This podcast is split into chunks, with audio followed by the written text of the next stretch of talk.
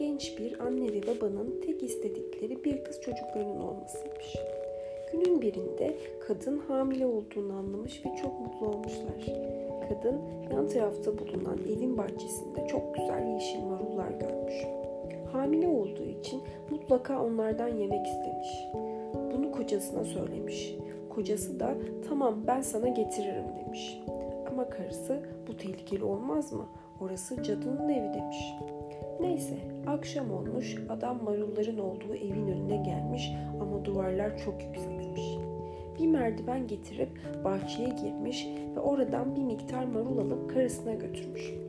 Karısı afiyetle marulları yemiş ama yetmemiş.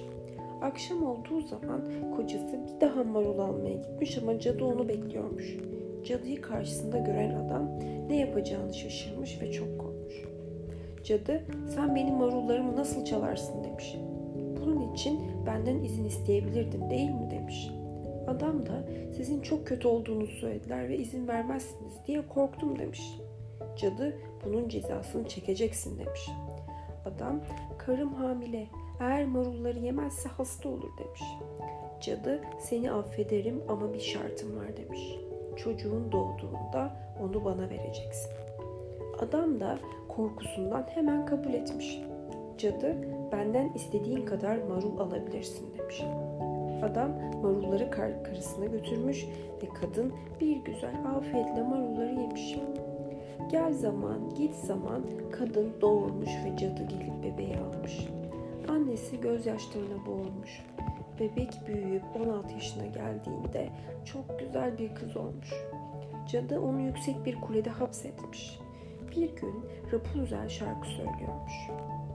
Rapunzel adı nereden gelmektedir diye merak edenler bahçedeki marulların adı Rapunzel olduğu için kızına Rapunzel adını vermiş. Rapunzel hiç saçlarını kestirmemiş. Uzun altın sarısı saçları olmuş.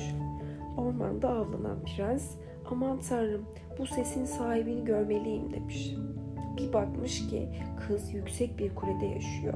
O sırada Rapunzel'in annesi gelmiş ve Rapunzel, Rapunzel uzat o altın sarısı saçlarını demiş. Rapunzel upuzun saçlarını camdan aşağı uzatmış ve annesi saçlarını tutunarak yukarı tırmanmış. Bunu gören prens sevinmiş. Ertesi akşam Rapunzel'in kulesinin aşağısına gelmiş ve sesini değiştirerek Rapunzel, Rapunzel uzat o altın sarısı saçlarını demiş. Rapunzel de saçlarını uzatmış ve prens kızın saçlarına tutunarak yukarı tırmanmış. Rapunzel karşısında prensi görünce korkmuş. İlk defa annesinden başka bir insan görmüş. Prens ona ne kadar güzel sesin var demiş. Kızın da hoşuna gitmiş ve teşekkür etmiş. Benden korkma demiş. Prens Rapunzel'e aşık olmuş. Rapunzel de prensten hoşlanmış. Gel zaman, git zaman, prens ve Rapunzel sürekli görüşür olmuşlar. Bir gün annesi Rapunzel'in saçını tararken Rapunzel farkında olmadan büyük bir hata yapmış. Anne, prens senden daha hızlı tırmanıyor saçlarıma demiş. O sırada annesi sen beni nasıl aldatırsın? Ben seni dünyanın kötülüklerinden koruyorum demiş. Annesi eline makas almış ve Rapunzel'in o uzun altın sarısı saçlarını kesmiş. Annesi Rapunzel'i uzak diyarlardaki çöle göndermiş. Sonra annesi evde prens bekliyormuş ve prens geldiğinde Rapunzel, Rapunzel uzat o altın sarısı saçlarını demiş. Annesi saçları aşağı doğru uzatmış ve prens tırmanmış. Yukarı geldiğinde bir bakmış ki karşısında cadı. O anda cadı onu aşağı itmiş. Prens çalıların üstüne düşmüş ve kör olmuş.